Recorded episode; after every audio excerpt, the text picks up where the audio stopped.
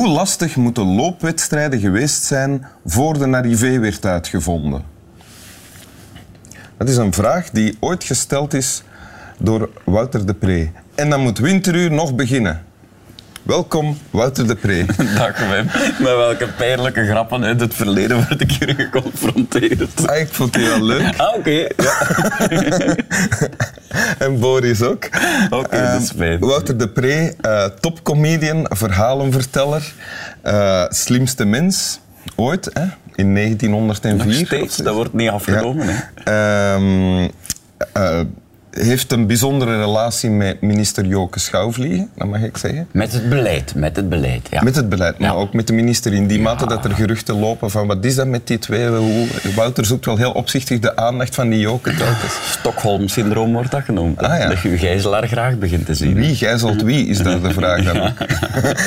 en eh, je hebt voor ons een tekst meegebracht. Wil je die voorlezen? Ja? Ja, een tekst van Peter de Graaf. Ja. Ik heb daar een volle dag gezeten in de zon. En die dag is voorbijgevlogen. De tijd stond stil. Ik zat naar mijn armen te kijken. Die hingen nog altijd met stukken nylon lint aan mijn knieën vast. Die begonnen grijs te worden en ik kon die er niet afhalen. Ik heb nog geprobeerd om met mijn mond die knopen los te maken, maar ik kon het niet verdragen. Mijn eigen handen tegen mijn gezicht te voelen, terwijl ze dood en koud en zo waren. Natuurlijk heb ik ook zitten huilen daar van verlorenheid. Ik zie nog altijd helder die duimen en die slecht afgescheurde nagels voor mij, de rimpels op de bovenkant van de vingers, het litteken bij de pols van toen ik acht was en gevallen met de fiets. En ik werd overspoeld door een diep gevoel van liefde. Zal ook wel aan de endorfine hebben gelegen. Enorme dankbaarheid ook. Wat is dit? Het is een stuk uit de monoloog van Peter de Graaf. En ehm, de monoloog Peter heet... de Graaf is, voor de mensen die het niet weten, een eh, theatermaker. Ja, theatermaker. eh, Een van de eh, meest geïnspireerde theatermakers ooit. Ja, En vertellers. Ja, ja. En dit is eh, het stuk Zoals de dingen gaan, eh, heet het. En het gaat over iemand die eh, komt vertellen over zijn leven. eh, en hij heeft, heeft, heeft veel pech gehad in zijn leven. Hij had een eh, agressieve vader. En met zijn moeder is er ook iets gebeurd dat, dat, niet helemaal, dat niet helemaal juist was. De, hij heeft een zaak gestart, is daarmee failliet gegaan. Ehm, te veel verwacht van de liefde. Zijn vrouw ging ook vreemd. Hij heeft dat ontdekt. Heeft pech, veel, veel, veel pech heeft hem gehad. En hier heeft hem het, toppen van pech. Hij is moeten vluchten voor zijn faillissement naar Afrika. En daar zat hem een stam. eh, op een bepaald moment eh, eh, is hij een wandelingsje gaan doen. En die volledige stam is weg als hij terugkomt. En er zijn rebellen in het dorp.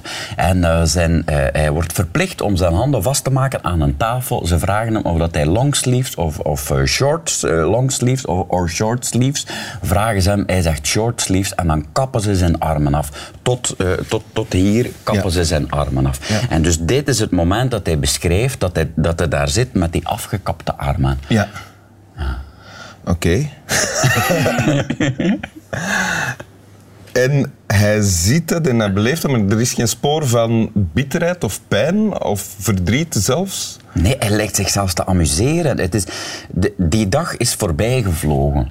De tijd stond stil. Dat, dat zijn dingen die je hebt als je extreem gelukkig bent of als je, als je fantastische tijd aan het Ja. beleven bent. En daarom ben ik het zo ongelooflijk fascinerend. Ja. Hij heeft in, in dit stuk, eh, laat het ons het toppunt van pech noemen. Hij heeft al veel pech gehad in zijn leven. Maar het kan altijd nog erger. Ja, en, maar dus wat, wat, wat ik het fascinerende vind, is dat zijn beleving, want die, hij heeft dat toppunt van pech nodig om, eh, om dan zijn armen graag te kunnen beginnen zien. Op het moment dat ze, dat ze eraf zijn, kijkt hem ernaar en begint hem te snappen wat die armen voor hem allemaal hebben gedaan. Ja. En dat zou heel triest kunnen zijn, omdat het dan te laat is, omdat hij die armen niet meer heeft. Maar eh, wat ik er eh, mooi aan vind, is dat het... ehm, ja, dat, dat hij die, eh, die extreme pech eh, recycleert. Dat dat, dat een, een inzicht wordt. Dat dat eigenlijk voor de eerste keer is dat hij, ehm, dat hij begrijpt dat hij op een andere manier naar het leven kan kijken. Dat hij op een andere manier naar de wereld kan kijken. Dat, dat hij daar zelf eh, een, een rol in heeft. Ja, ik, druk, ik zou het graag beter kunnen uitdrukken dan hoe ik het nu uitdruk. Ja, maar het stuk dat je hebt voorgelezen eindigt met dat hij zegt: Ik word overspoeld door een golf van liefde en dankbaarheid. Mhm. En die gaat uit naar zijn armen, als hij zijn armen zo ziet liggen. Mhm. En, en, voor, ja. en je hebt dit gelezen of je hebt de voorstelling gezien? Ik heb de voorstelling gezien en eh, in de voorstelling was het echt specifiek bij, bij, bij de zin en ik werd overspoeld door een diep gevoel van liefde. Want dat was... Ik, ik, eh, het lukte heel goed om gewoon als toeschouwer te kijken. Dus niet te denken van hoe, hoe, hoe, hoe heb je dit nu gemaakt? Hoe zit dit nu in elkaar? En wat er ongelooflijk was, is dat hij bij Dus die je zat zin... al te genieten van de voorstelling. Ja, ja, ja, ja.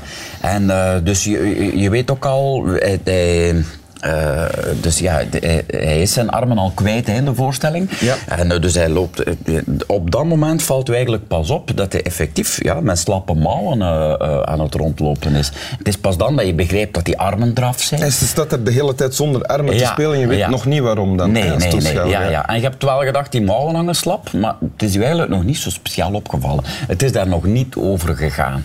En eh, dus dat snap je plots, maar het is specifiek bij die zin, en ik word overspoeld door een diep gevoel voor, eh, van liefde, dat hij, het is alsof hij op een knop drukt. En wij, we zaten het was in de kleine zaal, het was in de werf in eh, Brugge, ik denk voor 150, 200 mensen. En eh, dat was bij die 150, 200 mensen terzelfde tijd dat we allemaal een krop in de keel kregen. Dus alsof hij op, op, een, op een knop duwde.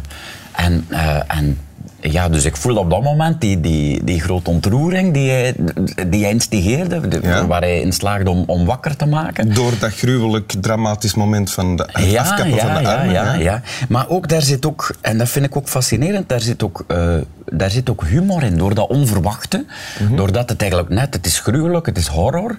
En dan krijg je daar een totaal andere conclusie uit dan dat je, dat je zou verwachten. En daar zit iets heel grappigs in. En heel ontroerends tezelfde Ja, tijd. want die eh, ongelofelijke pechzak die daar aan het woord is in die voorstelling, die uiteindelijk zijn armen verliest omdat die worden afgekapt, is sindsdien verlicht en gelukkig eigenlijk. Ja, ja. Hij snapt dat er een, dat er een andere mogelijkheid is van, van naar het leven te kijken.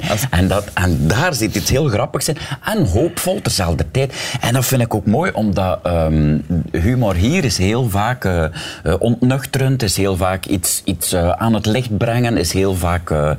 ja, Humor eh, hier, je bedoelt hier bij hier Peter in de het. Westen, denk Ah, hier ik. in- ah, Eh, ja. is heel vaak, eh, ehm, is heel, gaat heel vaak over eh, schaamte. Mhm. Eh, en hierin is het ehm, heel grappig, ontnuchterend en hoopgevend terzelfde tijd. Dus daarin eigenlijk eh, heel warm en niet in, niet in een, eh, niet in, eh, niet zeggen van humor zou warm moeten zijn of zou eh, licht en voorzichtig moeten zijn. Nee, dit is radicaal en terzelfde tijd hoopgevend. Dus daarom vind ik het fantastisch. Stel, stel, Wouter de Pre, dat jij zou kunnen kiezen eh,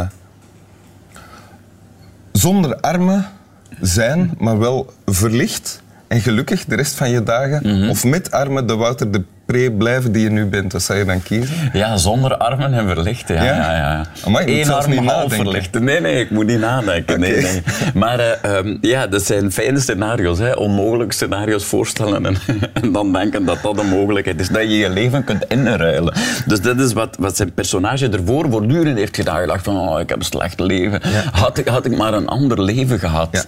En eh, dat als, eigenlijk als concrete mogelijkheid voor u Het blijven zou zien. trouwens een slecht idee zijn, bedenk ik me nu, dat je omwi- omwille van het feit dat ik die vraag nu heb gesteld, je armen zou gaan laten afkappen in de hoop dat je dan verlicht, zou Verlicht zijn. wordt. Als het dan niet gebeurt, dan is het alles nog veel erger natuurlijk. Ik zou beginnen in stukjes denken. Dat je zo hier een stukje kwijt zit en dat je, als je de verlichting voelt komen, dat je dan zegt, doe maar verder. Zullen we, zolang je nog handen, armen en een stem hebt, nog één keer samen naar de tekst luisteren? Oké, oké. Ik heb daar een volle dag gezeten in de zon en die dag is voorbijgevlogen. De tijd stond stil. Ik zat naar mijn armen te kijken. Die hingen nog altijd met stukken nylon lint aan mijn knieën vast.